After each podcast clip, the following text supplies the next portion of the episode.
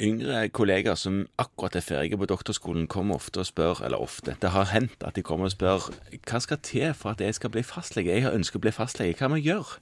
Du må få tak i en liste. Ja, hva betyr det, en liste? Altså, for Er det bare å ringe kommunen og si jeg vil ha en liste? Ja, du kan prøve det, men det, det er jo klart at eh, det betinger jo at de har en liste å dele ut. En, en liste, vet du, det, det er jo egentlig ikke mer enn en konsesjon. En driftsløyve? Du får lov av kommunen å ha pasienter og sende regning til folketrygden. Hvorfor er det kommunen som bestemmer det her? Fordi at det er kommunen som har ansvaret i forhold til helselovgivningen for at legetjenesten i kommunen er forsvarlig. Ja, Så det er de som bestemmer hvor mange leger som trengs for å drive forsvarlig? Ja, men det er det det er. Jeg pleier å si, Det er nesten en fiskerikvote.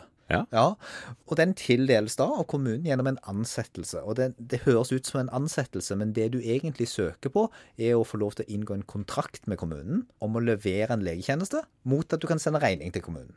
Og, og da er det jo sånn at enten kan den listen være en helt ny liste.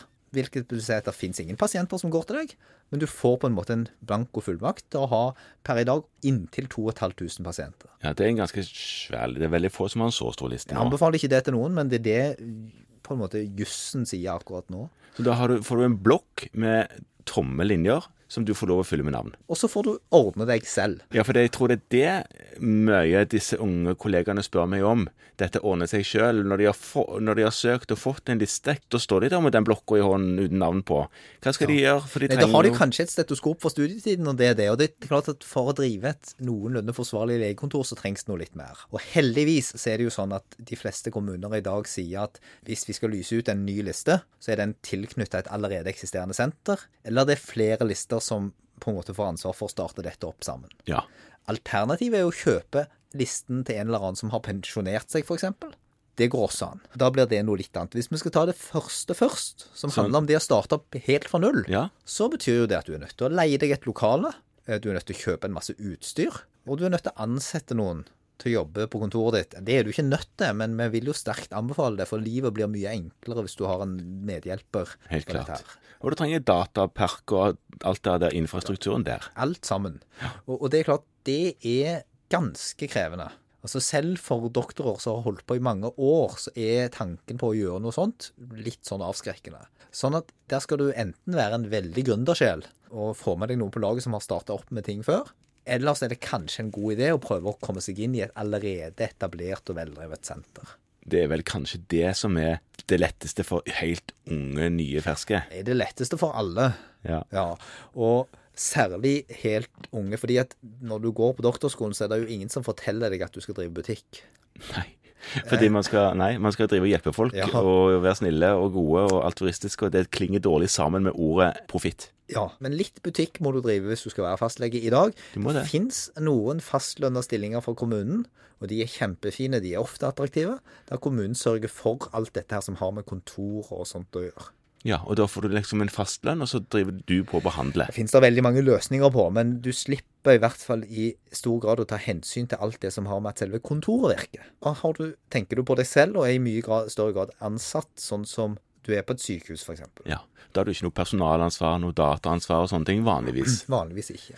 Men det har du altså hvis du driver og putler på egen hånd.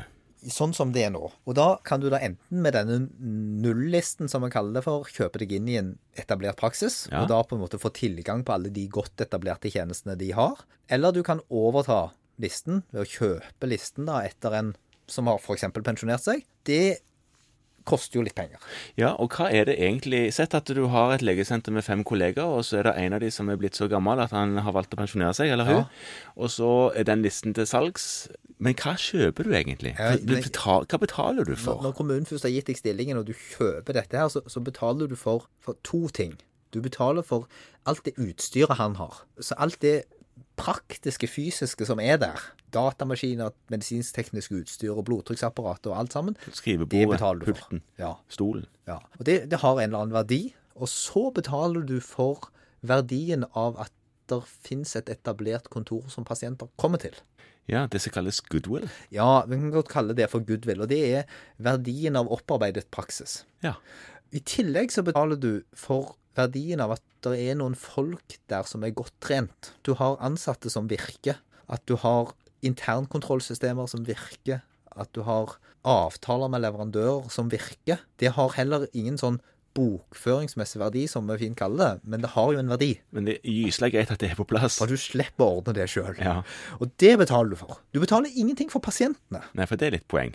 Så pasientene koster ikke noe. Og Nettopp. fordi de rår du jo heller liten grad med, men du betaler for det at det i det området er en bevissthet rundt at her er det et legekontor, her er det en doktor som det går an å gå til. Og folk flest er jo vanemennesker, så de fortsetter jo da gjerne å gå til det stedet som de vet at de får en tjeneste på. Så det betaler man for. Og da eh, har denne unge legen eh, overtatt eh, listen til den pensjonerte. Ja. Og går inn i driften. Og, og da, hva, hvordan er de organisert, disse legesentrene? da Kjøper en seg inn i den driften Det, der, der eller? finnes det jo Jeg skal ikke si det finnes like mange måter å organisere det på som det finnes kontorer, men det finnes mange. Ja. Men, men det er klart at det må man ha et bevisst forhold til, er at man får ofte noen samarbeidspartnere som man må inngå avtaler med. Ja. Og det å være litt nøye med å sette seg inn i hva de avtalene betyr, er veldig, veldig viktig før man skriver under på dem. Men da har vi iallfall fått litt grann klarhet i hvordan man kan starte eh, sin karriere som allmennlege. Ja. Det er mye å sette seg inn i, men det trenger ikke være så skummelt hvis en tar det steg for steg. Nei. Og så pleier jeg å si til de som har lyst til å begynne som fastleger, Ja. at begynn som vikar et eller annet sted, eller to eller tre steder. Så lærer du mye om dette, bare med å være i praksisen over litt tid. Og så får du mye gode impulser og erfaringer med hvordan man kan drive dette på en god måte, uten å ha pantsatt for mye penger i driften.